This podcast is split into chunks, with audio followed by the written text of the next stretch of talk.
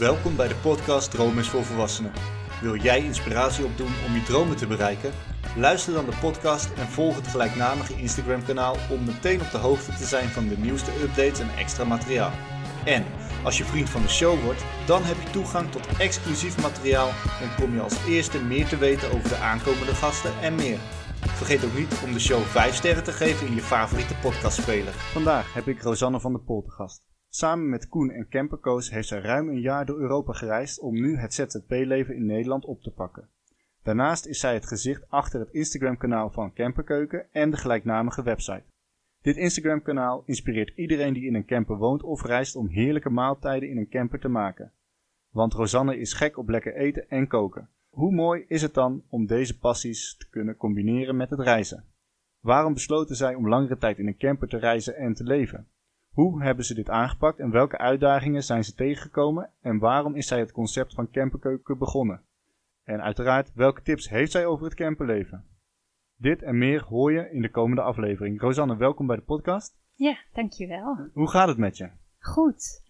Ja, we zijn dus, uh, nou ja, zoals je al vertelde, ruim een jaar op reis geweest met uh, Koos, ons Mhm. camper. Ehm, en dat was een super mooie reis. Heel veel gezien en onwijs genoten. En nu zijn we dus weer in Nederland. Dus we zijn aan het, eh, nou ja, weer aan het wennen Ja. thuis. Eh, maar dat vind ik ook weer super leuk. ja, dus eh, goed. Ja, ja, want hoe lang zijn jullie op reis geweest? Ruim een jaar. Ruim een jaar. En hoe lang inmiddels weer terug in Nederland? We hebben gereisd van eind november 2021 tot nou ja, dus begin december 2022. Ja. Ehm, dus nu, nou ja, nu drie maanden of zo. Ja. Ja. Ja, dus bewust ook twee winters meegepakt in de camper of was dat gewoon puur toeval? Ehm, ja, was op zich toeval. Alleen we zijn niet, niet heel erg afgeschrokken door, eh, door koud weer. Ja. Eh, we houden niet, niet van hele hete landen. Ehm, en nou ja, er zijn wel mensen die ons voor gek verklaarden, want we begonnen onze reis in Schotland. Mhm. Eh, dus dat was niet echt het land waarvan mensen dachten, oh, jullie gaan met de camper reizen en dan gaan jullie vast naar Portugal Ja, of Spanje, Spanje. Italië, vooral naar Zuid-Europa. Precies, nog een beetje nazomer eh meepakken. Maar nee, dat, eh, daar kiezen wij niet voor, dus over het algemeen. Dus ehm, de, ja, we zijn begonnen in Schotland, dat vonden we echt prachtig. En het voordeel is dat je dan daar eh, dus ook bijna geen andere toeristen ziet in dat Mhm. seizoen. En ja, je moet wel tegen een beetje regen kunnen dan. dat hebben we ook wel meegemaakt. Ja. Ehm, maar goed, dat vonden we ook dus niet heel erg. Ja, ja, want jullie hebben dus, zoals je net zei, december vorig jaar kwamen jullie terug. Ja. Eigenlijk van die reis. Wat heeft jullie op het idee gebracht, überhaupt, om ja, met een camper zo lang op reis te gaan? Mm. Nou, we hebben allebei in het buitenland eh, eerder al stage gelopen en gewerkt. Dus dat vonden we altijd heel erg leuk. Ehm, maar we hebben nooit langer gereisd in het buitenland. Dus echt een lange, lange reis gemaakt. Wel met vakantie natuurlijk. Dat deden we wel. Roadtrips vonden we ook superleuk. Maar dat je echt lange reis maakt eh, voor onbepaalde tijd of voor een paar maanden hadden we nooit gedaan. Dus onze wens was om naar Nieuw-Zeeland en Australië te gaan. En daar ook in een camper te gaan reizen. Ja. Alleen door corona waren de grenzen dicht en die bleven dicht. En toen gingen we steeds uitstellen. En nou ja, op een gegeven moment waren we dat uitstellen een beetje zat. Mhm. En toen gingen we kijken naar wat wel kon. En eh, toen verkocht de oom van Koen, van mijn vriend, eh, zijn camper. Dus toen dachten we, nou, Nou, dat is een mooie dat match. komt mooi bij elkaar. Ja, en toen dachten we, nou, Europa heeft ook heel veel te bieden.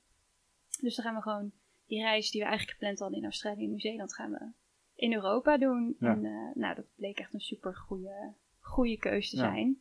Echt heel erg van genoten, ja. Ja, nou, gelukkig, dat eigenlijk een, ja, een tegenslag. Namelijk de grenzen in Australië, die zijn niet open. is eigenlijk een mooie kans gebleken door de camper die op jullie pad kwam en de reis die jullie hebben gemaakt. Ja, zeker. Heb, heb jij iets met eh camperen? Of, Eh, nou, toevallig komende zomer gaan wij eh, door Noorwegen. Leuk, Gaan we ja. drie weken met de camper. En hebben we eigenlijk al een hele route uitgestippeld. Wij zitten wel een klein beetje vast aan bepaalde weken. Ja, Ja, mijn vriendin werkt in het onderwijs, dus dan heb je helaas alleen het hoogseizoen. En heb je helaas een aantal weken dat je echt op pad kan. Maar we hebben wel zoiets van, dit is wel nu iets wat we echt willen doen. Dus, Ja. En we hebben een beetje gekeken naar welke landen. Ja, en toen hadden we zoiets, we gingen een beetje kijken bij Noorwegen. Toen dachten we, ja, waarom niet? En nou ja, ik heb ook gezien dat jij ook eh, in Noorwegen bent geweest. Daar wil ik straks meer over weten. Ja, ja. Ehm, want ik ga je nu eerst een vraag stellen waar ik aan het eind pas antwoord op wil hebben. Oké. Stel dat je Rosanne van de basisschool zou spreken. En die zou je één advies geven over het bereiken van haar dromen. Welk advies zou dat dan zijn? Oh, oké. Denk Ja. erover na. Dan komen we er straks, eh, straks op terug. Ja. Ehm, net als dat we straks op Noorwegen terugkomen. Maar ik wil eigenlijk eerst nog even terug naar, ehm, nou, laten we zeggen, begin coronaperiode. Ja. Eh, maart 2020, hele land op slot. En jullie zaten met dat idee om naar Australië te gaan. Hoe zag jullie leven er op dat moment uit qua werk, qua woonsituatie en dergelijke? Eh, nou, we wonen in Amsterdam, in een appartementje. Ehm, en hadden allebei vaste baan. Ik werkte bij kinderboekenuitgeverij eh, als marketeer. Eh, en mijn vriend Koen heeft heel lang zijn, eh, een eigen bedrijf gehad Mhm. als videograaf en fotograaf. Ehm, alleen eh, die werkte op dat moment, eh, eh, was zijn bedrijf overgekocht door een groot mediaconcern en daar werkte hij op dat moment. Ja. Ehm, dus we waren allebei echt vast in dienst. En allebei echt bewust ook ontslag genomen. Omdat we gewoon niet wisten hoe lang we wilden gaan reizen. En dat ook open wilden hebben liggen. En hebben jullie dan begin van die coronaperiode ontslag genomen? Of pas, zeg maar, in november 2021 dat jullie echt op reis gingen? Ja, dus twee maanden daarvoor of zo. Ja, Ja. ja voordat we op reis gingen. Dus wel ook vanuit, vanuit huis gewerkt met corona bijvoorbeeld. En nou, dat heeft misschien ook wel een extra zetje gegeven dat we heel graag wilden gaan reizen. Omdat ik toen wel heel erg het idee had dat mijn ja, sleur is een groot woord, maar wel een beetje dat je in zo'n eh vast stramien zit. Ja, zo'n lekkere routine, het rondje om de kerk wat de buschauffeurs vroeger hadden, zeg maar. Ja, ja, Ja. Ja. dat, nou, ik denk dat iedereen dat, dat heb je waarschijnlijk ook wel ervaren, dat thuiswerken, dat is een beetje, ja, Ja, het was, een- het was vooral een overstap. Ehm, ook al denk ik wel dat ik, eh, ik had er niet heel veel moeite mee, omdat ik merkte wat het mij opleverde.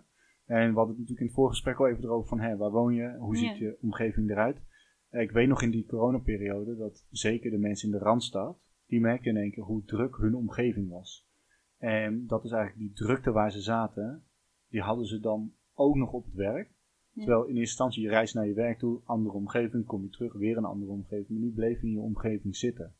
Ehm, mijn omgeving was heel, en is nog steeds gelukkig, heel prikkelarm. Ik zit in een hele rustige woonwijk, weinig tot geen ehm,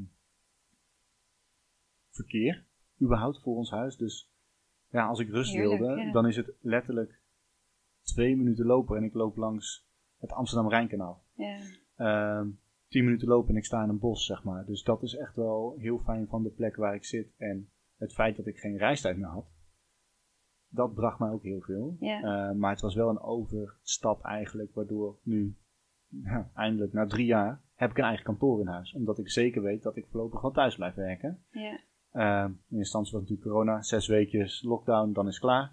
Nou, inmiddels zijn we bijna drie jaar verder. ja, Ehm, en ik merk nu het feit dat ik een kantoorruimte in huis heb kunnen creëren. Dat geeft ook alweer heel veel rust. Omdat, nou, zeker tijdens die verbouwing, was onze woonkamer, was woonkamer, slaapkamer, kantoor, eetkamer, alles in één. ja, dat is echt niet gezond, nee. Nee, dan merk je wel wat het zeg maar doet. En dat is dan op dat moment één ruimte en nog steeds een hele prikkelarme omgeving waarin je woont. Maar ik kan me voorstellen, in Amsterdam heb je dat niet. nee. En als je dan allebei dus thuis zit, ik heb dan ook het geluk dat mijn vriendin wel naar haar werklocatie moest. In het Omdat onderwijs, ja.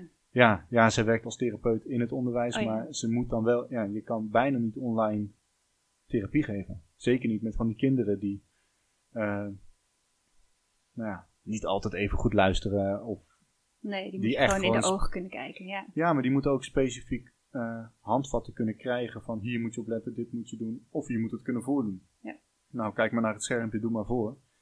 Dat schiet, ja, dat schiet daarin eigenlijk niet op. Ja. Ehm, dus nou, als ik even teruggrijp, je zei net van, nou ja, we zaten allebei in Amsterdam, appartementje, was het koophuur? Koop, Koop, oké. Ja. Dus jullie hadden daarin, zeker in de verkoop, natuurlijk een leuk buffertje om precies. ook op reis te kunnen gaan. Ja. Ehm, wat was voor jullie dan dat tipping point dat je zei van ja, we gaan dit gewoon nu echt doen? Ehm, Want je bent wel ruim anderhalf jaar zeg maar in die coronaperiode bezig geweest nog. ja, klopt. Ehm, nou, ja, die wens was er dus sowieso om te gaan reizen. Mhm. Eh, maar ik merkte wel op een gegeven moment, omdat we zo aan het wachten waren tot de grenzen open gingen in Australië en Nieuw-Zeeland, dat dat ons een beetje opbrak op een gegeven moment, omdat we ergens naartoe aan het leven waren. En dat werd de hele tijd weer, weer naar de toekomst geduwd. Ja. Ehm, dat we toen, eh, nou ja, allebei op een gegeven moment, we waren op vakantie toen in Italië. En toen zeiden we van, nou, ja, we moeten gewoon het op een andere manier gaan doen.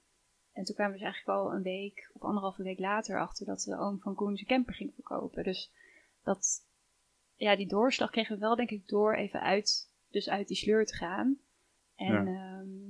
ja, toen konden we dus toevallig in die tijd, in de zomer was het weer oké, waren we in, in Italië wel met mondkapjes en alles uh, erbij.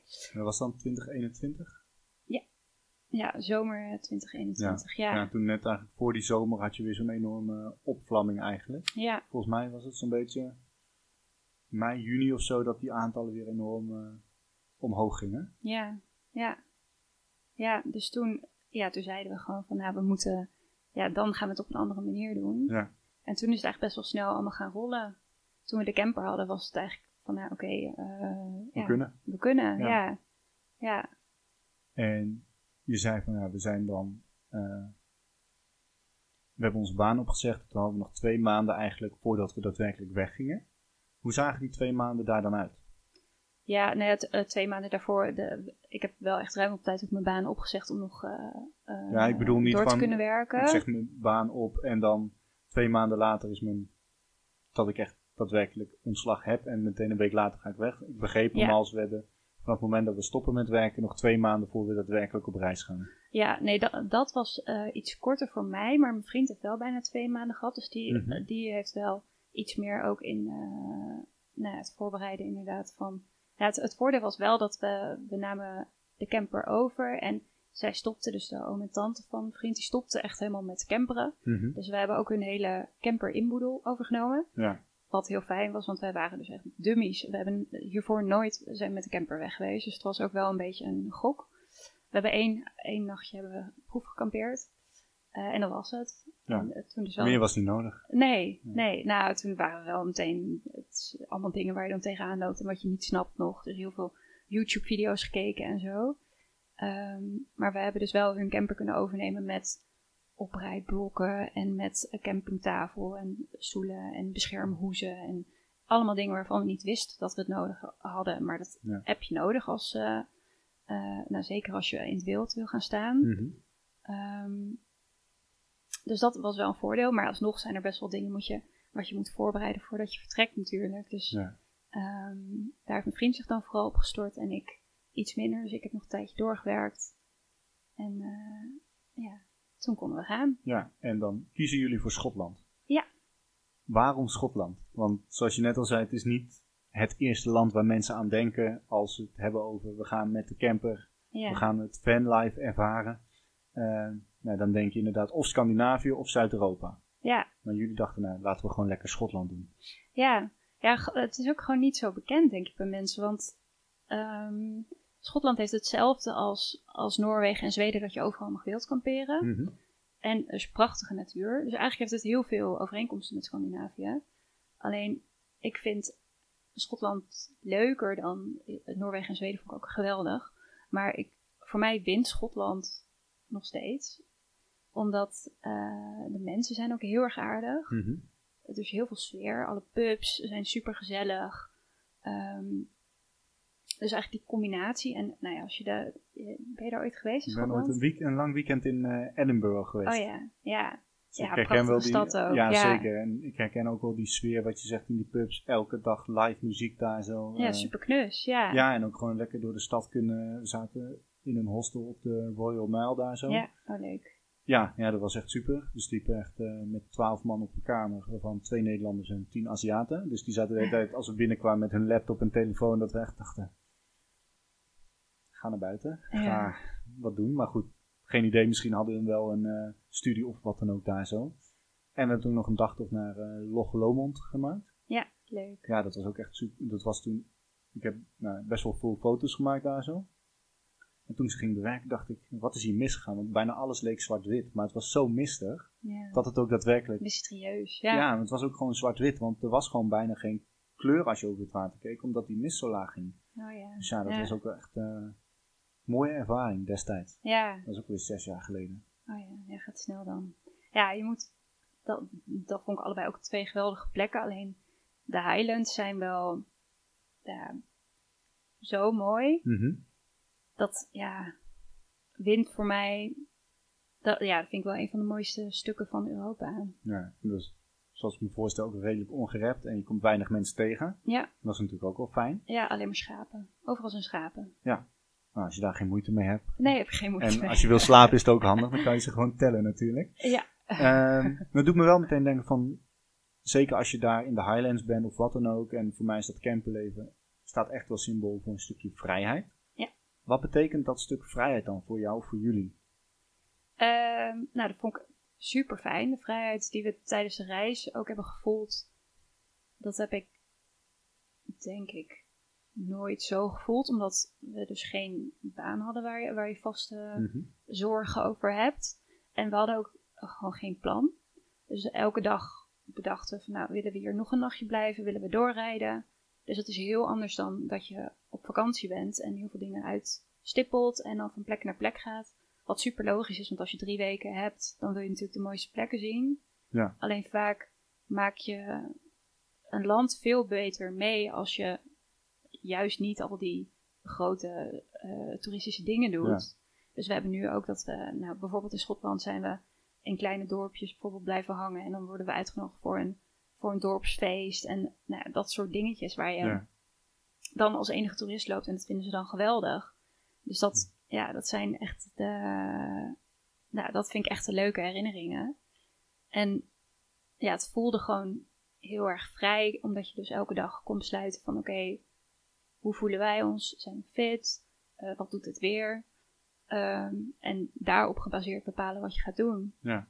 ja, je kan gewoon dag tot dag eigenlijk bekijken wat je doet. En dat, Ja. die sleur heb je dan totaal niet natuurlijk. Nee, Doe me wel denken wat je zei van dat dorpje in Schotland. Wij zijn 2020, toen het eerste jaar corona. Het idee was, wij gaan lekker naar Griekenland toe. Maar ja, met corona en alles hadden we zoiets. Misschien moeten we dat gewoon even eh, niet doen. Dus we gingen lekker met z'n tweeën in de auto op roadtrip naar Duitsland. ook leuk. Zeker, het was onze eerste roadtrip. En nou, ja, het was wel een roadtrip die we... Nou ja, ik heb niet heel veel vrije dagen. Mijn vriendin heeft natuurlijk de vakantieperiode die vast ligt. Dus we hadden wel alles uitgestippeld. Ook echt gezegd van we gaan maximaal zoveel uur per dag proberen te rijden. Ook de keuze gemaakt om één dag niet te doen op de terugweg. Maar dat was gewoon puur... Anders zaten we ergens op een plek dat we dachten, ja, hier hoeven we niet te zitten. Dus dan kunnen we beter iets langere reistijd maken. Maar we zaten toen redelijk richting het eind van onze vakantie in de buurt van de Koningszee, in het eh, zuidoosten. Ja, Nou, we waren daar geweest, boottochtje gedaan, al die toeristische dingen. En toen hadden we echt nog een paar uur voordat we zouden gaan eten. En toen dachten we, wat gaan we doen? Dus even snel gegoogeld. En toen kwamen we bij de Hinterzee uit. ken ik niet. Nee, Ja. wij dus ook niet. Maar toen we daar waren, leek het echt alsof we in een of andere sprookjesmeer kwamen. Echt, een- het was een meer van misschien drie, vier kilometer omtrek. Dus je kon er gewoon omheen lopen, maar overal vette rotspartijen en eh, allemaal gletsjerwater. Dus in Ja. een hartje zomer water van 4 graden. Dat is heel fijn om in te stappen, zeg maar, om even Ja. af te koelen. Maar dat was wel zo'n moment dat we dus iets deden wat we niet gepland hadden, maar wat echt super mooi was. Ze hadden ook allemaal van die ehm, ja, plakaten, zeg maar, langs dat meer met Duitse schilders die dus die plek hebben geschilderd. Dan een voorbeeld van het schilderij wat ze hadden gemaakt. Ja, Dan dachten we, ja, puur omdat we dus de kans hadden en een stukje vrijheid van we gaan niet op onze hotelkamer zitten, we gaan gewoon lekker wat doen, kom je daar dan terecht. ja, En nou ja, ik kan me heel goed voorstellen, dat stukje vrijheid, dat zijn wel de momenten die uiteindelijk herinnert. Ik zie het ook als je erover praat, je gaat toch iets meer opbloeien, zeg maar, als je erover praat. Gewoon puur Ja. omdat het zo'n mooie herinnering is. ja, Ehm, en Ja. je, zei, je zei net van ja, we moeten, s ochtends dan kijken we even van hoeveel we gaan doen. Hoe lang we gaan, of tenminste waar we naartoe gaan.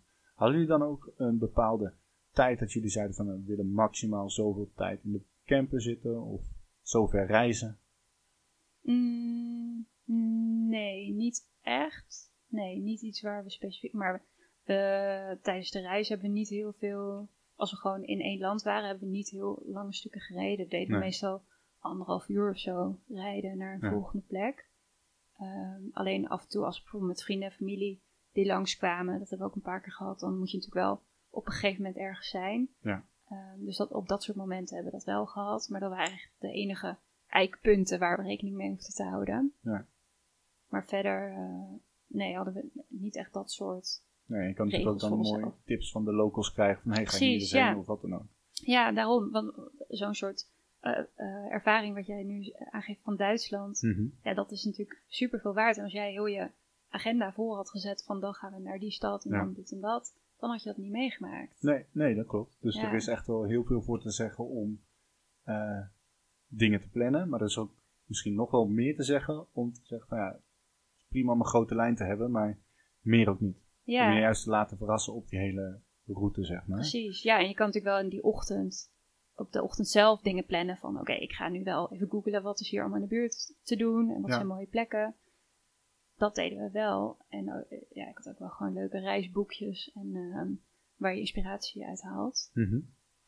Eh, dus dat, dat vond ik altijd heel erg leuk. Alleen niet, ja, niet helemaal eh, op momenten geprikt. Nee, niet helemaal in, beton gegoten, zeg ja, maar. precies. Ja. Ehm, als je dan kijkt hè, of naar jullie reis en ook die periode ervoor, zijn er dingen die je hebt moeten laten?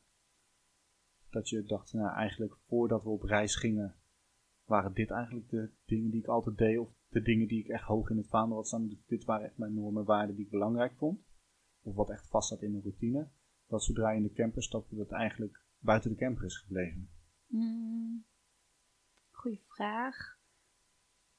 Ja, er zijn natuurlijk sowieso best wel veel dingen anders als je samen in een camper woont. Het is sowieso eh knus, knusse ruimte, zeg maar, om met z'n tweeën in door te brengen. Eh, dus dat moesten we ook leren in het begin. Eh, dus ook de- ja, dat je toch een beetje je eigen ruimte pakt, ook af en toe. Of dat je even in je eentje een rondje gaat lopen of zo. Dat, nou, dat moet je dan ook met elkaar leren bespreken. Want normaal gesproken, als je in een, in een huis woont, dan ga je gewoon even in een andere kamer zitten, bijvoorbeeld. Ja. In een camper is het iets lastiger.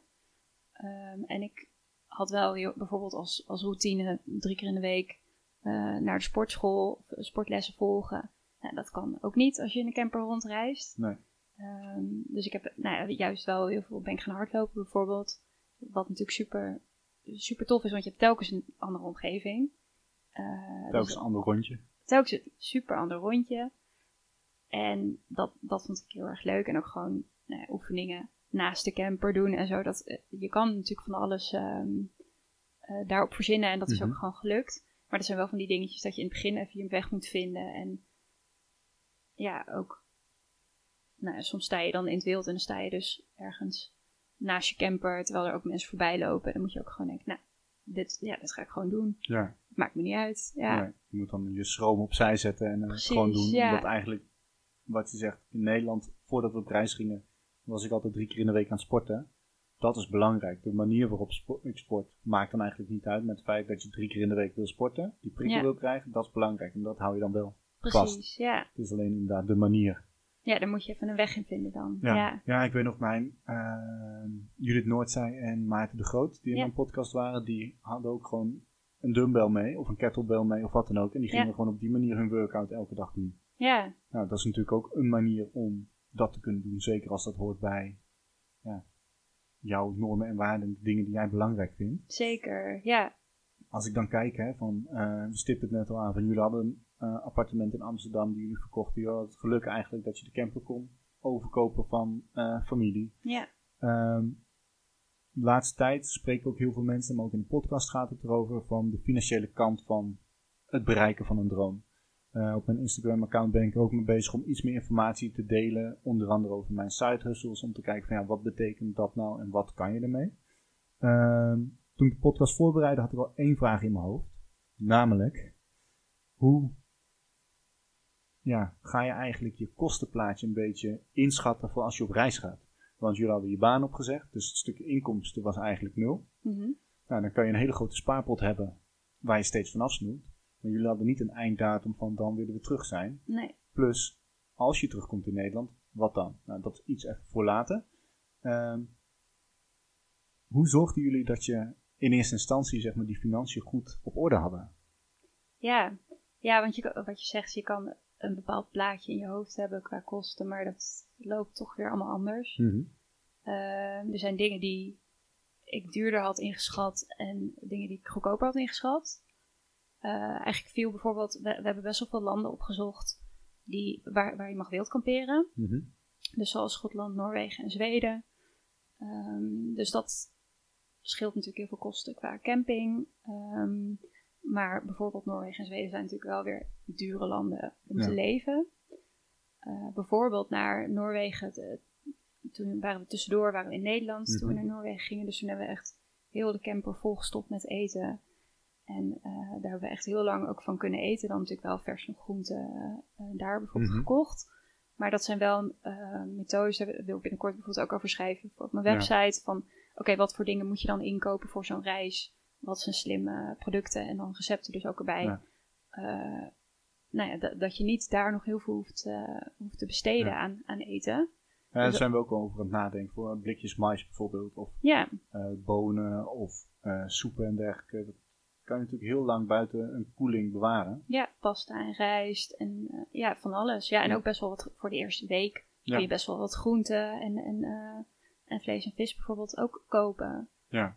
En dan ja, moet je een beetje eh, kijken naar, het ligt ook aan het moment als het heel warm is bijvoorbeeld, dan kan je het niet buiten de koelkast eh, misschien bewaren. Maar Nou, jullie zaten in november, december in Schotland. Eh, daarom, dus prima. dus eh, ja, dat lukt prima. Ehm, maar ja, da- dat vind ik juist wel leuke dingen om over na te denken van oké, hoe kan je daar eh, nou ja, budgettechnisch iets Ja. beter mee omgaan. Ehm, maar bijvoorbeeld ook toen wij in Noorwegen zaten, waren de dieselprijzen echt hoog. Mhm. En eh, die waren hier hoog, benzine en diesel, maar daar dus al helemaal. Ja. Dus dat was een tegenvaller. En we hebben bijvoorbeeld ook ehm, in Noorwegen hebben we autopech gehad. Eh, onze koppeling een stuk gegaan. Mhm. Dat is ook een dure grap.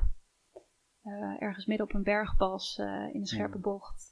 Niet de meest ideale plek. Ja, leuk uitzicht, maar daar houdt het op. Ja, ja dus ehm, daar eh, nou ja, we moesten remmen op de motor. Want met zo'n zware camper moet je, nou kan je dat niet eh, continu met de rem blijven doen, want die raakt dan oververhit. Mhm. Alleen het remmen op de motor hadden we toch niet helemaal goed onder de knie, blijkbaar. Ehm, dus de koppeling die knalde ineens. En toen stonden we stil en toen ehm, belde onze verzekering naar hun partner in Noorwegen. En die zeiden, ja, helemaal goed, we komen jullie halen morgen om twee uur eh, s middags, ruim 24 uur later.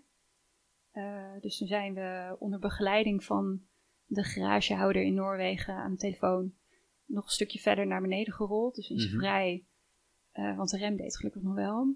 Nou, dat was heel spannend. Naar een soort van viewpoint en daar naartoe gewacht eh, Ja. op de garage.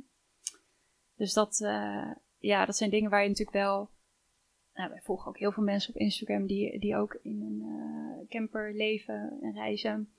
Dus ook wel dingen die je vaker voorbij ziet komen, maar toch denk je dan van nou, Gebeurt mij niet. nee, komt wel goed. Of dan is het een klein dingetje wat fout gaat of zo. Maar dit was, eh, ja, dit was wel een tegenvalletje. Ja. En als je het dan hebt hè, over die, eh, om nog even de financiën aan te stippen, die dieselprijzen die dan in één keer zo hoog waren. ja. Heeft dat jullie reis ook beïnvloed dat jullie bijvoorbeeld wat minder vaak op dat moment de camper in zijn gestapt om te reizen? Wat langer op een plek bleven? Mm, nou, dat niet per se, maar we waren daar eh wisselde de dieselprijs heel erg per dag. Mhm. Dus het was een soort van, eh, nou, het werd een soort van missie eh, om zo goedkoop mogelijk te tanken en dat helemaal uit te zoeken. Maar we wilden wel gewoon, ja, Noorwegen is een super groot land en we wilden wel gewoon heel veel zien. Ja. Dus we hebben dan meer, ja, we zijn bijvoorbeeld eh, in Noorwegen eigenlijk helemaal niet uit eten geweest. Terwijl we dat in andere landen wel heel leuk, nou sowieso heel leuk vinden om te doen. Mhm. Eh, maar daar dan voor kiezen om dat bijvoorbeeld niet te doen. Ja. Dus dan maak je dat soort keuzes eerder. Ja. Dat hebben we eerder gedaan dan, dan niet, niet eh, langer rijden of zo. Ja. Nou, je hebt natuurlijk, als je met een camper reist, heb je wel de mogelijkheid om allebei te doen. Ik Ja. weet nog toen wij in Duitsland zaten, dat we achteraf zoiets hadden van, oh ja, wij hebben geen keuken bij ons en we slapen in hotels. Dus we moeten letterlijk elke dag eigenlijk uit eten. Ja, En ja, na twee weken ben je dat ook soort van wel zat. Terwijl vooraf denk je, nou, lekker uit eten, prima. Maar als je dan dus elke dag op zoek moet naar een nieuw restaurant en je wil niet elke dag hetzelfde eten, dan komt er ook weer die sleur een beetje ja, in. Ja, en dat is ook niet te doen voor als je zo'n reis maakt als wat, wat wij hebben gedaan. Nee. Financieel niet, maar ook niet voor je gezondheid. Ja. Of eh, nee, je moet gewoon. Nou, je zou het financieel kunnen redden natuurlijk als je eh, inkomen gedurende de reis Ja. hebt. Of dusdanig grote zak met geld die onuitputtelijk kan lijken. Ehm, maar ja, we hadden natuurlijk vooraf, eh, tenminste eerder al gezegd, jullie hadden jullie baan opgezegd. Dus het was letterlijk, Ja. er is geen inkomen. Ja. Ehm, hoe was het dan op dat moment, of hoe, hoe was het moment dat jullie halverwege jullie spaargeld kwamen? Vergeleken met waar je mee begon. Mm, ja. Eh, omdat gewoon het einde nog open lag, was dat ook niet van, oh, we moeten het uitzingen tot dat moment of zo. Mhm. Dus het voelde niet heel erg eh, als, een, ehm, ja, als een bedreiging. En wij waren allebei ook wel heel erg van, oké, we hebben allebei ons baan opgezegd, maar als we terug zijn en we hebben niet meteen de mogelijkheid om te gaan werken, dan gaan we gewoon in de horeca werken. We hebben allebei hotelschool gedaan en Mhm. heel veel in de horeca gewerkt in het verleden. Nu niet meer, maar we dachten, nou, dan gaan we gewoon knallen in de horeca. Ja, Ja. ja, Ja, je hebt een vangnet ja, eigenlijk. dus ehm, ja, we dachten gewoon, nou, ja, dan gaan we op een gegeven moment terug en gaan we dat doen. Ja, Ja. ja, maar dat is wel fijn om te weten van oké, we maken nu de keuze. Maar eh, die keuze betekent niet dat alles los is. Er is altijd nog een vangnet en dat vergeten mensen vaak. Die doen dingen niet omdat ze datgene wat ze nu hebben, daar hou je aan vast omdat dat, of het waar is of niet, maar het lijkt zekerheid te bieden. ja, Terwijl als je die keuze eenmaal maakt, dan blijkt dat je toch, dat je zegt, ja, je kan altijd nog ergens een baantje vinden. ja. Ik verras me altijd, eh, ik heb het programma Dream School, toevallig. Oké. Dat, eh, dat gaat zeg maar, jongeren die krijgen daar eigenlijk in twee, drie weken tijd eh, heel veel gastlessen van bekende Nederlanders, politici, juristen, eh, toevallig eh podcastgast Sterren Smalbrugge was vorige week zeg maar de gast ook in dat programma. Ehm, maar toen ging het een paar afleveringen daarvoor ging het toevallig over geld. Mhm. En zei ze, ja, ik ga niet voor dit bedrag werken. Maar toen zeiden ze ook tijdens het programma van, ja, maar wat maakt dan dat je dat dus niet doet? Wat maakt dat jij eigenlijk vindt dat je een bepaald bedrag waard bent, om het zo te zeggen? Ja. En dat je het te goed voelt om voor minder te werken. Terwijl onderaan de streep, het maakt niet uit, op het moment dat je ergens wil komen, zul je wel de dingen moeten doen. Het wordt je niet geleverd. Dus als jullie terugkwamen en er moet geld verdiend worden, ja, je kan een bank overvallen, maar goed, daar schijnen wat consequenties aan te zitten dat je Ja. dat beter niet kan doen. Eh, maar dan is werk in de horeca natuurlijk ook wel prima. Omdat je weet dat het op ja. dat moment even moet. Ja, en uiteindelijk hebben we nu, de, was dat niet nodig, want we eh, hebben allebei gewoon nu als ZZP'er hebben we gewoon allemaal klussen al eh, lopen, dus dat is superleuk. Ja. Ehm, maar mocht dat op een gegeven moment niet zo zijn, dan, dan sta ik daar alsnog voor open. Ja. Ja, Ja, want jouw vriend kwam natuurlijk eigenlijk vanuit ZZP, het bedrijf werd overgenomen. Ja. Dus dan in loondienst. Jij altijd eigenlijk in loondienst. Ja. Wat heeft gemaakt dat jullie dan allebei als ZZP'er aan de slag zijn gegaan? Mm, nou eigenlijk ook wel die vrijheid waar we het eerder over hadden. Mhm. Omdat je dan ook flexibel bent om, eh, nou we hebben Koos nog, dus camper. Dus we willen ook wel vaker gewoon nog met Koos weg en dan vanuit de camper gaan werken. Mhm. Dat is voor mij iets makkelijker, want eh, mijn vriend doet dus ook eh, eh, filmopnames en moet dat editen. Dus nou, in ieder geval die opnames is niet zo makkelijk vanuit, vanuit de camper. Dus dan, Nee. daarvoor moet hij sowieso hier zijn.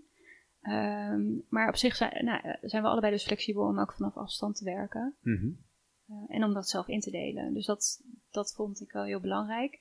En ik wilde ook meer tijd stoppen in camperkeuken. En daar ook eh, ruimte aan geven wanneer dat nodig is. Dus Ja. dat kan je als ZZP'er natuurlijk ook iets beter dan plannen. En hebben jullie dan op dit moment ook dat jullie gewoon weer lekker huisje hebben, samenwonen? Ja, Ja, dus Ja. eigenlijk datgene wat voor de reis eigenlijk zo was, die vastigheid van een Ja, plek, die en hebben jullie. weer. Ja, En jullie hebben, nou, het eigenlijk heel goed. Dan heb je een fantastische reis gehad.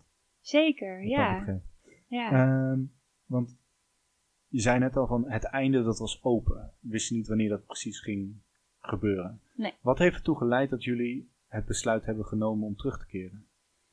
Ehm, ja, het, het lag open, maar ik had wel een beetje een jaar in mijn hoofd. Mhm. Eh, nou, we begonnen eigenlijk met zes maanden. Om dat te communiceren naar anderen. Toen we zeiden van, nou, we gaan weg, we gaan een halfjaartje reizen. Er werd meteen heel snel negen maanden. En toen, eh, nou, toen zeiden we van, nou, we geven niet meer aan hoe lang we weg zijn. Jullie zien het wel als we terugkomen. Eh, maar ja, deels was het natuurlijk gewoon financieel inderdaad. Van, nou, we moeten weer gaan werken. Eh, maar ook omdat we gewoon weer zin hadden om bij vrienden en familie in de buurt te zijn. Ja. Ik hou heel erg van op stap zijn met vrienden en- familie. Dus dat vond ik soms vanuit de camper ook wel moeilijk. Dat je dan zag dat iedereen samen zat. En dan hebben wij zo'n geweldige reis. Dan dacht ik toch van, oh, daar had ik vanavond wel even gezellig bij willen zitten. Mhm. Eh, dus dat, dat soort dingen miste ik ook wel. Had je dan ja, het idee dat je te maken had met FOMO, voor je gevoel? Ja, ja, daar ben ik sowieso niet vies van. Dat eh, heb ik sowieso al snel. Ehm, ja, ik vind gewoon alles eh, qua afspreken met vrienden en familie vind ik gewoon super gezellig. Dus dan, ja, dan heb ik inderdaad wel FOMO in die Ja. zin.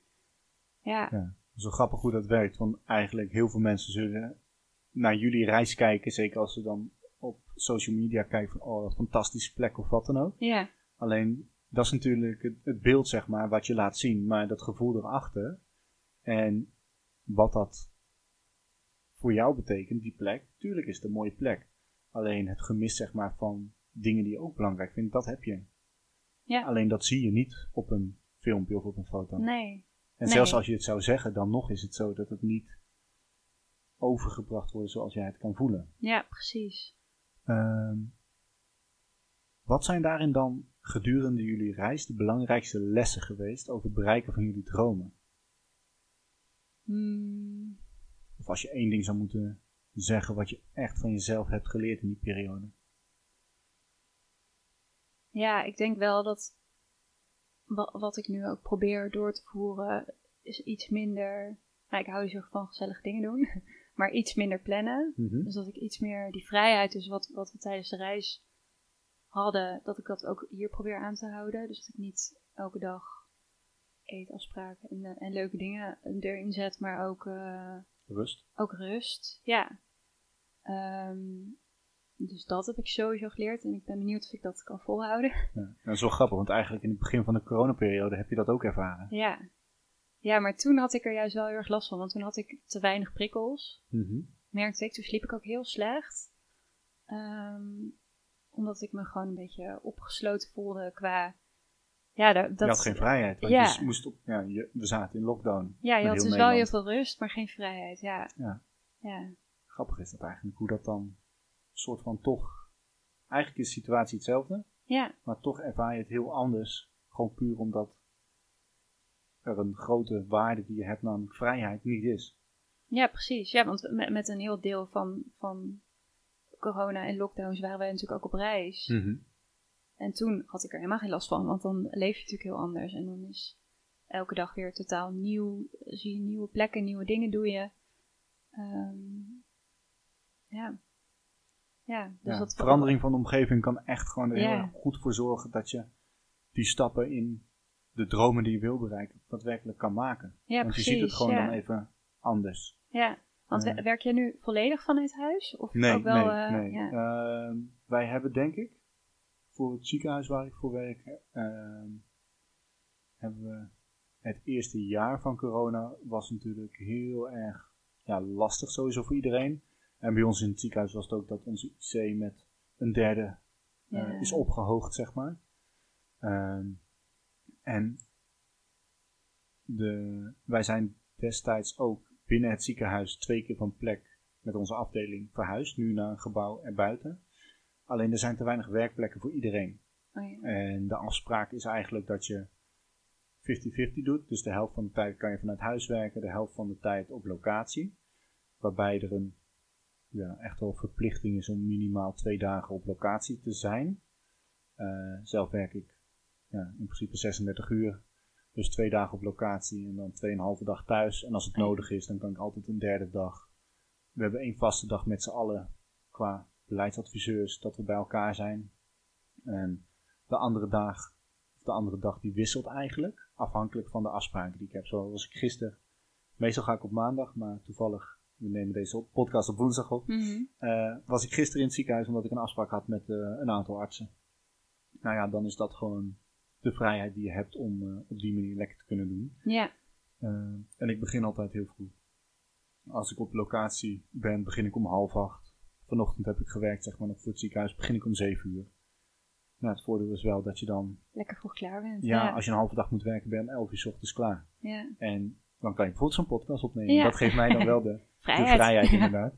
Ja, en dat is wel mooi. Dat, ik merk ook los van wat ik er net over had, die financiële kant, zeg maar. ehm, is het stukje vrijheid. Is iets wat heel duidelijk naar voren komt bij heel veel podcastgasten. Maar ik Ja. denk er ook steeds meer over na. En in mijn workshop komt het ook naar voren van... Wat is vrijheid? Ehm, maar ook hoe kan je ervoor zorgen dat je meer vrijheid kan krijgen of ervaren. Ja, Eh, en we richten ons net vooral over het stukje geld, zeg maar. En ik denk dat hoe meer geld je hebt, hoe meer tijd je kan kopen, als het ware. Dus ja, dan is tijd ook iets wat vrijheid betekent. En uiteindelijk wil je je leven zo goed mogelijk kunnen inrichten, zodat jouw belangrijke dingen eigenlijk naar voren kunnen komen. ja, En zo'n reis is natuurlijk daarin fantastisch. Maar, absoluut. Ja. en dan nog steeds geeft dat het gevoel van vrijheid, maar heeft het je ook best wel veel gekost qua geld en tijd. Ja. En andere dingen, bijvoorbeeld het leren van eh, wat moet je doen als je de berg afrijdt op en moet remmen op de motor, ja. bijvoorbeeld. Ehm, zijn er, als je terugkijkt op je reis, naast Schotland eh, echt hoogtepunten geweest? Ja, zoveel. Ja, dat is eh, natuurlijk met ruim een jaar reis is dat heel moeilijk om te, om te zeggen. Qua landen vond ik ehm, eh, bijvoorbeeld Slovenië vond ik echt een verrassing. Vond ik Ja. echt een super mooi land ook. Ehm, Noorwegen is prachtig. Ja, elk land heeft natuurlijk iets. Dus- maar als ik nu zo terugdenk aan onze reis, dan vind ik eigenlijk juist die kleine momentjes. Dus in de ochtend wakker worden. We deden telkens koffietje. Eerst een koffietje in bed. Mhm. Dus koffie maken en dan eh, terug in bed. En dan uit, nou, heb je telkens een ander uitzicht uit het raampje van de, van de slaapkamer. Ehm, en dat gevoel, dat voel ik nu meteen weer. En dat, ja, je, ze- zeker met wild kamperen hebben we op zulke mooie plekken gestaan. We hebben bijvoorbeeld in Schotland, werden we wakker en ik hoorde al geluid. Toen dacht ik, wat is dat? Stonden we naast het water en er waren dus allemaal zeehonden naast aan het zwemmen. Nou, echt op anderhalve meter afstand of zo Ja. op twee meter afstand. En ja, zo werd je dan wakker. Dus een eh, nou, koffietje gemaakt. En zit je zo samen naar wilde zeehonden te kijken. ja, bizar eigenlijk. Ja. En, ja dat, en er is niemand om je heen. Misschien iemand ergens in de verte die zijn hond aan het uitlaten is. En dat is het. Ja, ja, dat is natuurlijk wel, dat zijn de momenten die je ook niet snel in een afbeelding of wat dan ook kan vatten, zeg maar. Nee. Je ziet Nee. genoeg dingen op social media van mensen die dan eh, van hun eigen point of view, zeg maar, dan zo de dekens van hun afslaan en dan kruip je Ja. de camper uit en dan zie je waar ze staan. Ja. Maar dan nog dat gevoel wat je erbij hebt als je het daadwerkelijk hebt. Ja. Ja, ik denk dat het nooit te vangen is in iets In anders dan dat je het eh, hebt ervaren. Dat denk ik ook. Ja. Als je dan eh, kijkt, hè, van er zijn genoeg mensen die graag met een camper willen reizen. Ik denk zeker in die coronaperiode dat het voor eh, heel veel mensen iets is waarvan ze denken: oh, dat wil ik super graag ervaren. Ja. Maar geen flauw idee waar ik moet beginnen. Of welk land ik zou moeten beginnen. Ja. Welk land zou jij op basis van de landen waar je geweest bent adviseren om te beginnen? Als jij voor het eerst een camperreis van 1, 2 maanden zou maken. Ja. Ehm, ja, elk land heeft dus wel iets. Maar ik denk dat- ja, dat ik dus alsnog weer Schotland zou gaan zeggen. Want we hebben natuurlijk ook met een reden voor Schotland gekozen. Ook omdat we dachten, Het is makkelijk om de rechterkant te rijden. ja, nee, dat, dat viel heel erg mee. Ja, dat, het was dus de eerste keer voor mij rijden in een camper en dan links. Maar dat ben je echt zo Oh, aan. links, sorry, ik zei rechts. Ja. Ja, maar ehm, de- ja, daar wen je echt zo aan. Dus dat, dat vond ik niet zo erg. Maar ik dacht ook wel van, oké, iedereen spreekt hier gewoon goed Engels. Mhm. Dus als er iets is, als je iets niet snapt, ze zijn super vriendelijk. Ehm, ja, je, bent zo, je wordt zo geholpen. Ja. Dus dat vonden wij wel een fijn idee om niet eh, nou ja, naar een land te gaan waar, waar we ons iets minder goed eh, eh, met de taal uit, uit de voeten kwamen. Maar ja, elk land is eigenlijk een goed, eh, Goed goed, startpunt. denk Ja. ik. Ja, Het gevoel moet goed zijn om naar dat land te gaan. Te Ja. willen gaan, zeg maar. ja, Ja, en ik denk wel terecht wat je zegt, de taalbarrière kan wel iets zijn om rekening mee te houden. Want stel dat er iets misgaat, is het fijn om jezelf te kunnen uiten, zeg maar, dat mensen het ook snappen. ja, We zijn in 2018 zijn we naar Maleisië gegaan. En Maleisië is wel een van de best Engels sprekende landen, zeg maar, in Azië. ja, los van het feit dat ik daar best wat mensen, ook Nederlanders, kende, zeg maar, die daar zaten. Bijvoorbeeld een van mijn podcastgasten, Kim, uit aflevering 3, die werkt daar ook. eh, Wat leuk, ja.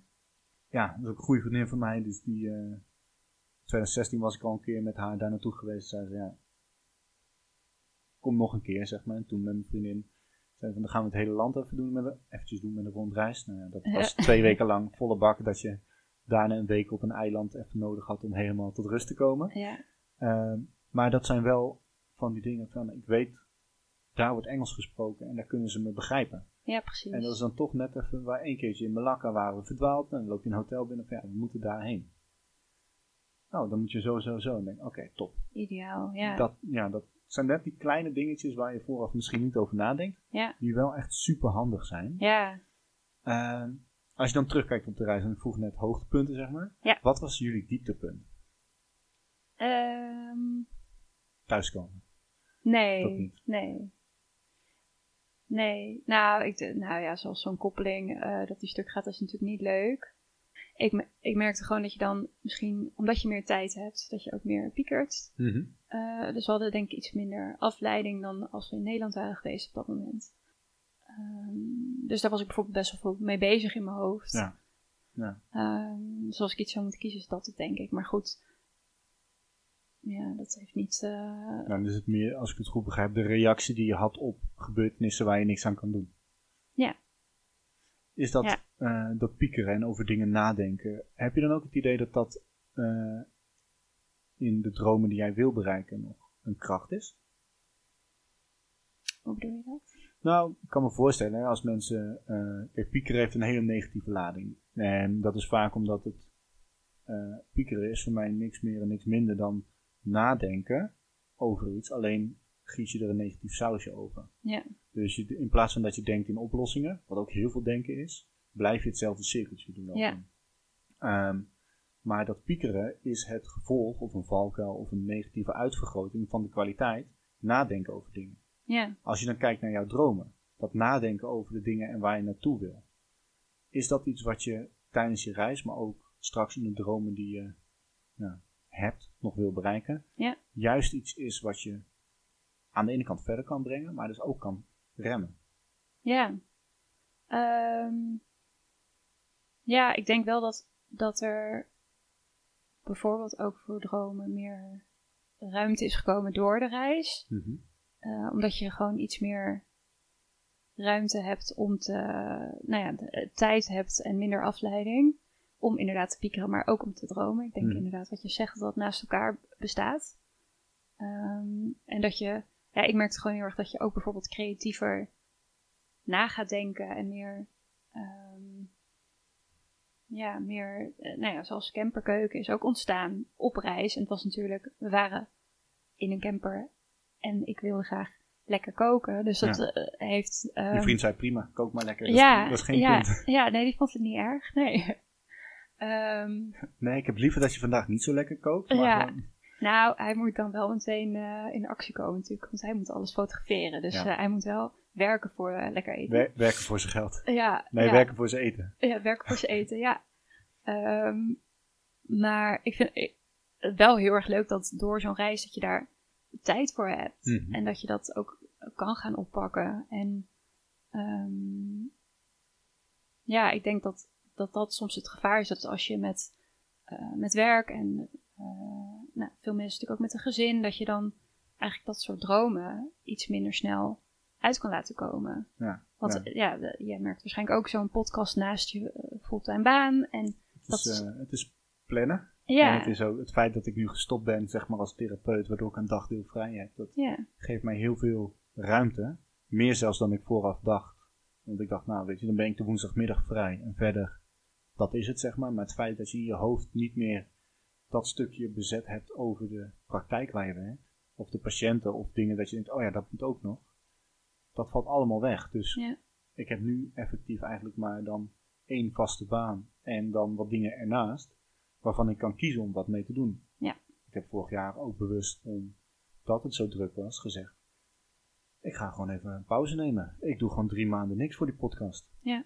En het mooie is dan om te zien dat de luistercijfers nog steeds groeien, Dus ergens wordt het wel gevonden en waarderen mensen het, want anders luisteren ze niet. Want je ziet Ja, ook dat het, superleuk. ja, dat is superleuk. En je ziet ook dat het eh, wisselend is. En je merkt ook bijvoorbeeld als mensen wat meer het gaan hebben over vakantie, dan zie je dat de afleveringen waar vakantie of camperreizen eh, wat hoger naar voren komen, dat die Ja, ook meer geluisterd ja, worden. Ja, ja. En dat is echt superleuk om, eh, om te doen.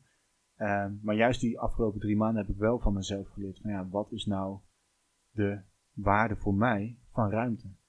Want uiteindelijk als je ruimte hebt, dan is er eh, letterlijk mogelijkheid om iets nieuws te creëren. Als je maar blijft doorgaan in die sleur of wat dan ook, dan is dat er niet. Ja. En zo ben jij natuurlijk tijdens je reis eigenlijk gestart met camperkeuken. Ja. Wat was voor jou het moment of het idee dat je dacht, ja, hier moet ik wat mee gaan doen? Mm, nou, ik hou sowieso heel erg van koken. Ehm, en ik ging een beetje zoeken naar recepten die camperproof waren. Mhm. Want in een camper heb je geen oven. Je, kan, je hebt alternatieven, maar in een standaard camperkeuken zit geen oven. Ehm, en je hebt één of twee, eh, misschien drie, maar dan zitten ze heel dicht bij elkaar. Pitjes om op te koken. Ja. Dus eigenlijk wil je max twee pannen gebruiken. Het liefst één. Want je hebt ook gewoon heel weinig ruimte om te snijden. En nou, je hebt gewoon weinig ruimte in een camper. En je wil natuurlijk ook niet iets heel lang op het vuur hebben staan, want dan gaat je gas heel snel op. Dus, ehm, en ik, ik ging daar naar zoeken en er kwam eigenlijk heel weinig naar boven. Dus ik dacht, oké, nou, dit is best wel leuk iets om dus op, op te gaan inspelen, want het is er nog niet. Of nog niet Ja, er veel is, er elk is kennelijk geval. een vraag. Ja, ja want daar ging ik in ieder geval van uit. En dat blijkt nu. Eh, er zijn genoeg mensen die natuurlijk reizen met een camper. En iedereen wil gewoon lekker eten, lijkt mij. Eh, en je gaat meestal als je in een camper op reis bent, ga je niet elke avond uit eten. Er zijn wel mensen die het doen. Maar nou, je ziet toch wel dat veel camper-eigenaren dan zeker een deel van de vakantie ook zelf koken. Ja. Dat is natuurlijk een van de redenen dat je een camper ook hebt. Ehm, nou, dus met die eh, insteek ben ik eh, gaan kijken van oké, wat voor recepten zijn leuk om te maken. Eh, heel veel gaan experimenteren. Nou, mijn vriend is dus proefpersoon altijd. Dus Letterlijk. eerst, ja, eerst testen. En als hij het ook lekker vindt, dan, ehm, ja, dan mag je, mag je op Instagram en dus nu op de site. Is Ja. ook. En ehm, nou, ik heb natuurlijk heel erg geluk dat ik eh, toevallig een vriend heb die ook fotograaf is. Mhm. Dus dat, eh, ja, dat helpt wel enorm. Dus het is ook super leuk om het samen met hem te doen. En heb je dan in je omgeving nog andere kansen, zeg maar? Want je vriend die kan je echt helpen bij dat hele visuele stuk. Ja. Eh, ik kan me voorstellen dat als jij iets gaat proberen, ik weet niet, schrijf je dan meteen al je recept op? Of ga je het eerst proberen en denk je, dit was lekker en het dan teruggeleiden van wat heb ik eigenlijk gedaan? Ehm, ja, ik ga het eerst maken. En als het- maar ik weet eigenlijk altijd wel wat ik dan nog heb gedaan. Ehm, ja, dus ik ga het eerst inderdaad gewoon testen. En Mhm. dan, eh, als het lekker is, dan ga ik het verder uitwerken. En dan gaan we het dus een avond, een andere avond weer maken. Of overdag eigenlijk, want het moet, eh, het moet licht, zijn. eh, ja, precies. Eh, Ja. Als je dan kijkt hè, naar het koken in de camper, wat is dan voor jou het belangrijkste wat je hebt gemerkt? Even los van bijvoorbeeld de ruimte die je niet hebt. Ja. Ehm, nou ja, dus eh, eigenlijk wel, dat is dan, eh, speelt wel een beetje in op die ruimte, maar dat je heel veel moet voorbereiden. Mhm. Want eh, nou ja, als je in gewone keuken staat in een huis, kan je ook prima iets in een pan hebben en dat je ondertussen snij je nog een uitje. Maar in een camper ja, wordt dat heel snel chaos. Dus eigenlijk moet je alles van tevoren snijden, even apart zetten en dan nou ja, stap voor stap verder het recept maken. Ja. Dat eh, zou ik iedereen aanraden om dus een beetje chaos te voorkomen. Ehm, en ja, ik vind het heel erg leuk om te koken met lokale producten. Mhm. Eh, dus om op zoek te gaan in het land waar we zijn. Van oké, wat, wat is lekker? Wat kunnen we hier gebruiken? We hebben bijvoorbeeld in Zweden hebben we ook heel veel van die ehm farmshops bezocht. Dus van lokale boerderijen. Die hebben dan zo'n leuk eh, winkeltje erbij. Met vaak ook horeca, met een paar Mhm. tafeltjes. Nou, als je daar dan iets van wat zij zelf verbouwen kan kopen. Dan vind ik het heel erg leuk om daarmee aan de slag te gaan. Ja. Maar dan wel, het moet dan wel een product zijn die, eh, die eigenlijk bijna overal te krijgen is. Ja. Want ja. dat is wel mijn insteek, dat iedereen met recepten wel aan de slag kan. ja, het is wel fijn als je een gerecht wat je in Zweden hebt ontwikkeld ook in Spanje zou kunnen maken. Precies, ja. Ja, in ik zit eh, meteen te denken aan. ehm, ik was paar maanden geleden bij, de, eh, bij Felix en Mout van Telers van de Put. Ja? En zij hebben ook een, eh, eigenlijk zo'n soort farm shop, zeg maar. Dus ze hebben een regeneratieve, nee, regeneratieve boerderij. Wat eigenlijk wil zeggen dat ze op een duurzame manier boeren. Oh ja. eh, waarbij ze ook eigenlijk zero waste idee hebben. Het afval wat ze hebben, dat het organisch afval gaat bijvoorbeeld naar de varkens toe. Ja. En nou, die hebben dan vorig jaar hun eerste jaar gehad. En dankzij crowdfunding hebben ze dat ook helemaal uit kunnen bouwen. En het grappige is dat ik dus vroeger zat ik bij Felix in het voetbalteam. En dan zie ik nu dat hij en dus ook met een camper heeft gereisd. En Oh, die dingen heeft bezocht wat jij ook doet om inspiratie op te doen. ja. Maar dat ze nu zelf in Nederland gewoon echt hun ja, droom laten uitkomen. Maar dat het dus ook mensen zijn die dan op reis gaan. Waar eigenlijk ook ze de vruchten van plukken. Ja. Omdat die ook naar hun toe komen. En dan bijvoorbeeld met zo'n eh nou ja, camperkeuken zoals jij hebt. Ja. Dat het elkaar ook inspireert. Ja, En zeker. dat is echt super tof om te zien hoeveel mensen die elkaar niet kennen eigenlijk toch in verbinding kunnen staan. daarin. Ja. Nou, misschien moet ik een keer langsrijden met eh camperkeuken. Nou ja, de- ik denk dat, ze, dat je wel welkom bent. Ik zal, Ja. het, eh, ik zal ze een berichtje sturen Ja, straks. leuk. Ja. Ehm, als we dan kijken, van, want hadden- net hadden we het over social media. En dat je de mooie dingen ziet. Maar wat hebben we dan niet gezien van Camperkeuken op social media? Even los van het account wat in één keer verwijderd is. Ja. Ja, dat was een, eh, ja. Eh, Want voor de luisteraars misschien goed om nog even te zeggen. Hè, van, je had een account, maar in één keer was dat zien. Ja. Ja. klopt. Ja, dat was. eh, ja, gelukkig was ik toen nog niet zo heel erg lang bezig. 350 volgers of zo. Nou ja, wel net opgestart, dus het, Ja. dat voelde wel even zuur. Maar, ehm, nou ja, dat was de camperkeuken en nu ben ik eh, camperkeuken. Dus eh, het woordje de is eh, gesneuveld, maar voor de rest ja, ben ik gewoon helemaal fris en fruitig weer opgestapt. Ja, En het ziet er goed en uit. race uit de as. Ja, Ja, ja. ja. Eerst alles afbreken en dan iets moois opbouwen. Zeg Ja, maar. precies. Ja, Ehm. dus dat was, ja, dat was even een tegenvaller.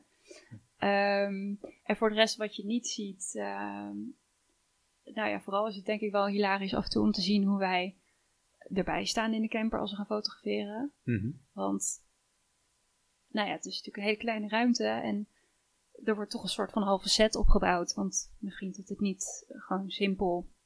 Dus ik sta meestal met zo'n, eh nou, luisteren er vast mensen die eh, al die namen weten, maar met zo'n lichtdoek Ja. om eh, lichtinval goed weerkaatsing. eh, Ja, zo'n witte Ja, ding, zeg scherm. maar. Ja, ehm, ik ken de termen ook niet, maar ik weet wat je nee. bedoelt. Ehm, nou, dus met mijn ellebogen tegen de muren aan, eh, dat zo aan het vasthouden. En mijn vriend, die nou, dus op een stellage helemaal de camera gebouwd. En ehm, ondertussen verandert meestal de lichtinval, dus moeten we weer alles helemaal verkassen. En, dus dat is af en toe een uitdaging. Alles voor het perfecte plaatje. Precies, ja. En ook alleen maar leuk om samen mee bezig te zijn. En soms eh, wat gescheld tussendoor, maar als het resultaat er maar mag zijn, dat eh, is belangrijk. Dus dat, ja, dat is iets wat we niet laten zien, maar wat Mhm. misschien best wel leuk is om te laten zien. Dus dat eh, kan ik wel een keer een, een behind the scenes van eh, maken.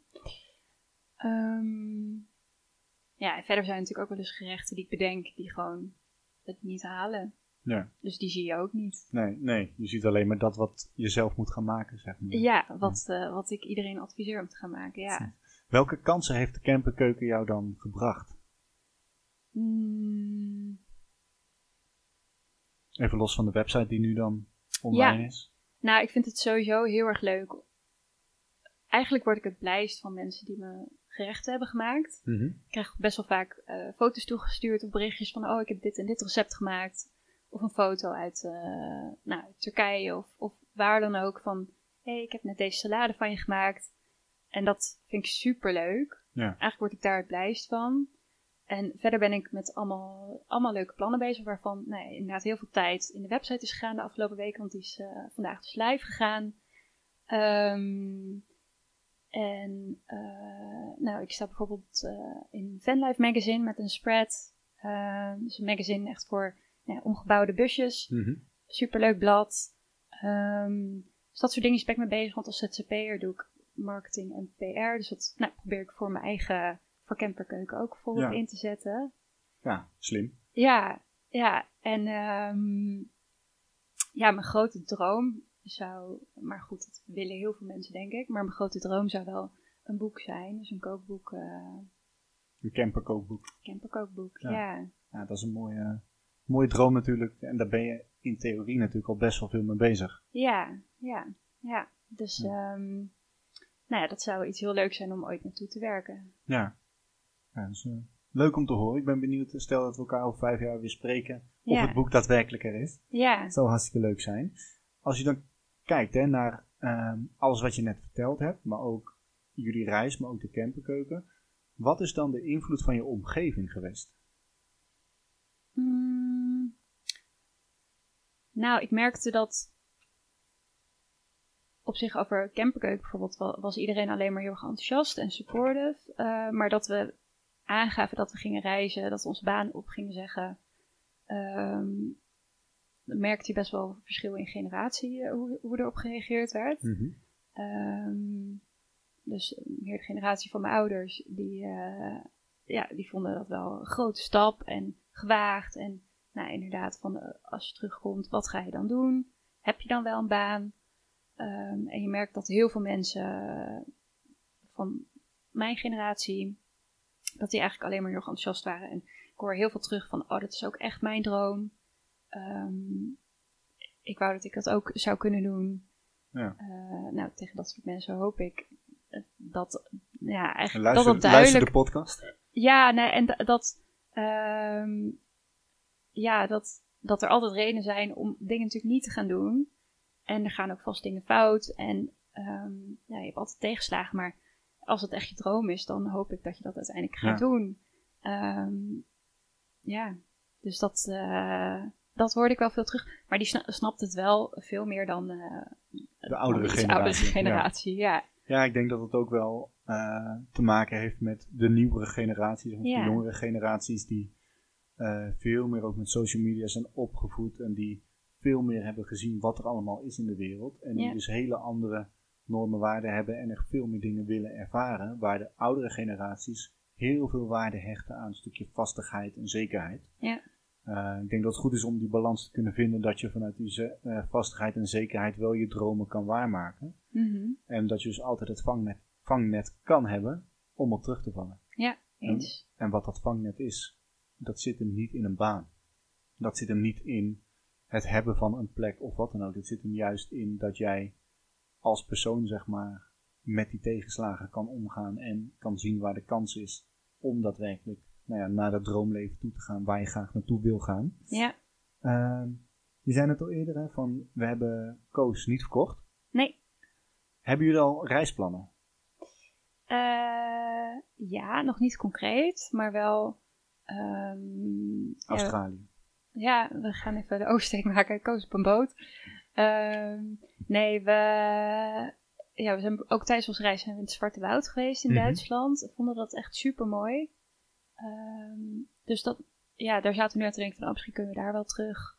Of, Ja, ehm, daar ben je ook zo natuurlijk. ja, daarom. Dus dat zou ook met een korte tripje ook kunnen. En eh, ja, verder nog niet hele concrete plannen. Maar we hebben nu, ik heb nu wel, omdat, nou ja, dus met gezellige dingen plannen en zo, raakte de agenda al best wel vol. Dus ik heb nu gewoon wel best wel wat weken geblokt met, oké, hier gewoon niks plannen. Ja. Dan kunnen we weg als we willen. En Ehm, iets gezelligs heb je ook een week van tevoren gepland. Daarom, ja, dat is het voordeel van met de camper op pad gaan. Als je eigenlijk, als je buiten vakanties omgaat, kan je altijd wel gewoon spontaan ook gaan. Ja. ja. Als je die vastigheid niet hebt, zeg maar, dat je gebonden bent aan die weken, dan Ja, precies. ja. Ja, zijn er genoeg weken over waarin je weg kan gaan. Ja. En dat ook gewoon lekker rustig is. ja. Maar in die zin is het voor jullie ook wel goed dat jullie naar. Want je, jij moet natuurlijk wel dan in de vakantie vanwege het werk van, eh, van je vriendin. Ja.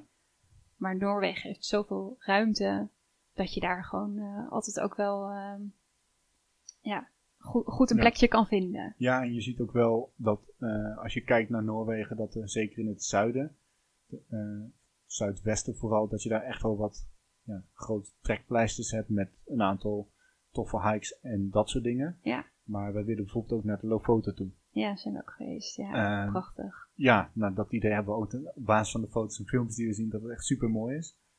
Alleen als jij één of twee weken naar Noorwegen gaat, dan ga je daar niet naartoe. Nee, want het is zo. Ver, ja. Ja, of je moet met het vliegtuig naar Trondheim of iets dergelijks Ja. en vanaf daar verder. Maar dan nog is het acht uur rijden voordat je er überhaupt bent. Ja. En ja, gelukkig hebben we de mogelijkheid om wat langer dan twee weken weg te kunnen gaan. Want jullie gaan drie. Ja, we gaan in principe drie weken.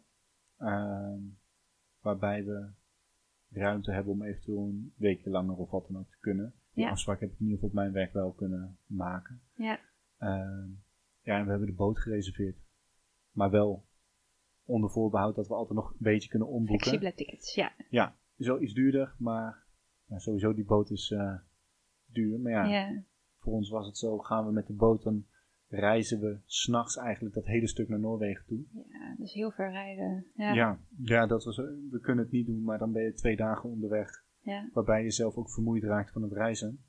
Terwijl je rijdt eh, op dag 1 van waar je woont naar Groningen toe naar de boot. Je stapt erop en je wordt de volgende ochtend wakker in Noorwegen en je kan verder. Ja. En dat is wel, we dachten ja, dan kost het iets meer. Maar het gemak wat je ervan hebt, is het ook wel waard, ja, denken we. zeker, ja. En het is natuurlijk een leuke ervaring om op zo'n boot te zitten, denk ik. Ja. Zolang ik niet zeeziek word. Ja, precies, ja. Nee. Af en toe gebeurt mij dat ook wel, maar goed. Dat is niet anders. Nee. Ehm, stel nou, hè, want wij gaan dan voor het eerst door- met een camper op reis. Welk advies zou je ons willen meegeven? Mm, nee, plan niet te veel.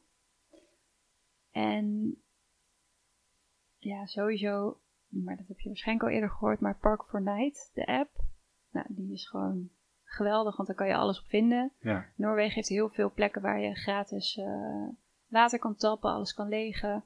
Dus dat is su- eigenlijk super ingericht op de camperaar. Dus dat is eh, ja, eigenlijk ook een heel goed la- land dus om te starten met, eh met camperreizen. Eh, heel veel Noren hebben ook een camper voor de deur staan. Dus het is daar ook gewoon... Nou, die gaan gewoon in het weekend gaan ze ook even op pad met de camper.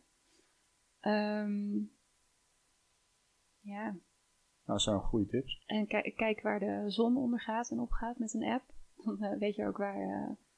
en, de, en de wind. Nou Ja, dat hebben jullie in de zomer denk ik wat minder last van. Maar dat hebben wij echt wel in de winter in Schotland en in Noorwegen en zo. Dat we echt dachten, oké, hoe waait de wind? Want we hadden achterop fietsen met een hoes. En als die dan daar de wind op stond, dan... Gaat de bus heen en weer. Ja, en dan klappert dat, dat doek de hele tijd en zo. Dus Ja, we hebben geen Dat fietsen achterop, dus dat scheelt. Maar Ja. het zijn wel goede tips. Zo, sowieso voor mensen die met de camper weg willen gaan en Ja. met fietsen of wat dan ook. ja, Ja, er zijn genoeg dingen waar je niet in eerste instantie aan denkt, waar je onderweg zeg maar echt wel... zeker. Ja, er, zullen, er zullen genoeg dingen zijn waar, waar jullie na een week van denken... Oh, wat we de eerste dag deden, dat... eh, Super Was niet zo slim, Nee, ja. stel nou hè, dat wij elkaar over vijf tot tien jaar spreken. Met uh, kookboek is er misschien. Uh, waar staan jullie dan verder, denk je? Of waar sta jij verder? Welke dromen heb je waargemaakt? Ja, vind ik altijd een hele moeilijke vraag. Ehm, eh, ja, ik hoop eigenlijk gewoon eh, dat ja, gelukkig en gezond te zijn. En iedereen om me heen, maar dat is natuurlijk heel cliché. Ehm, maar de, ja, op zich dat die vrijheid en het flexibele leven, hoop ik dat we dat nog steeds in ieder geval deels kunnen doen. Ehm, ja, en dat ik dus niet in die oude corona-sleur kom. Dat Ja. dat niet meer terugkomt. Dus dat ik gewoon ja, blijf dromen en blijf eh, ondernemen. En ja, dat, dat het verder blijft groeien. Ja. Dat, eh, dat zou ik super leuk vinden. Ja, ik denk dat dat ook wel een, uh, een mooie is. Dat eigenlijk wat je zegt, de waarden die ik op dit moment heb ervaren en die de laatste drie jaar echt voor mij belangrijk zijn, die wil ik nog steeds blijven ervaren. Ja. Um, en hoog in het vaandel houden, waarbij het dus niet te vatten is in een bepaald iets. Ja. En dat is uh, misschien voor heel veel mensen wel uh, een droom om iets te willen doen. Dat is niet per se dat ding wat je wil doen, maar het is meer de waarden en de normen die eronder hangen, die het maken dat je het wil doen. Ja, precies. Ja. Als ik uh, dit verhaal dan een beetje zou kunnen samenvatten, dan denk ik dat vrijheid het belangrijkste is. Ja. Vrijheid om daar te kunnen gaan en staan wat je wil, wat je kan doen, maar dat zeker ook de mensen om je heen van belang zijn en dat jij dankzij de opleidingen die je hebt gedaan, denk hotelschool, maar ook een stukje marketing en dan je vriend die het audiovisuele stuk echt wel kan pakken, dat jij zeker met camperkeuken enorme groei kan maken en ook kwaliteit kan leveren. Um, dus voor de mensen is dat denk ik goed om op die manier geïnspireerd te raken van hey, wie heb ik in mijn omgeving die mij kan ondersteunen in het bereiken van mijn dromen. Ja.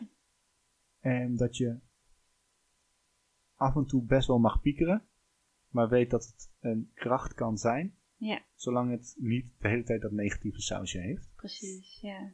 Stel nou hè, dat mensen naar aanleiding van dit gesprek denken, de- ik wil meer weten van Rosanne, je zei net al, er is een website live, Ja. camperkeuken.nl. Ja, Ehm, en ja, gelijknavig Instagram account. klopt. Ja, camperkeuken. Ja, ja, dus voor iedereen die daar eh, ja, interesse in heeft.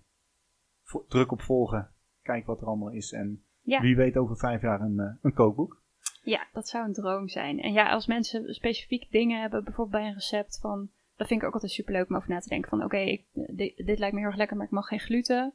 Wat zou een alternatief zijn of iets? Dat vind ik ook altijd superleuk. Dus Ja. ehm, stel ook vooral vragen, vind ik leuk. Eh, mag allemaal. Ja, Ja, daar nou, dat is, allemaal eh, voor open. Ja. Dat is altijd goed om, om te weten. Ja. Dan hebben we nog één vraag openstaan. Ja. De, ja, het advies aan Rosanne van de basisschool. ja. Wat zou je haar willen vertellen? Ehm, nou ja, ik denk wa- wat ik ook. Wat ik probeer dagelijks ook wel een beetje in mijn achterhoofd te houden. ehm, is dat, dat ik dingen moet doen die ik gewoon soms spannend vind. Omdat dat juist vaak heel veel geluk brengt. En dat. ehm, nou ja, daar kan je dus van tevoren over piekeren. Omdat je denkt, oh, dit, dit is ehm, iets wat ik normaal gesproken niet doe. Of wat ik, eh, nou misschien lukt het niet. Ehm, maar achteraf brengt het heel veel geluk. Dus ik eh, ja, zou haar willen adviseren minder, minder angstig daarvoor zijn. Ja, misschien om in termen van de camperkeuken te blijven door die zure appel heen bijten. Ja, ja, En dan, eh, je weet nooit wat voor een zoets je daarna kan krijgen. precies. Ja, Ik wil je hartstikke bedanken voor dit gesprek. ja, En, eh, ook. Ja. Ja, graag gedaan. Bedankt dat ik hier mocht zijn. En eh, ja, wie weet, tot de volgende keer. ja, superleuk. Dankjewel.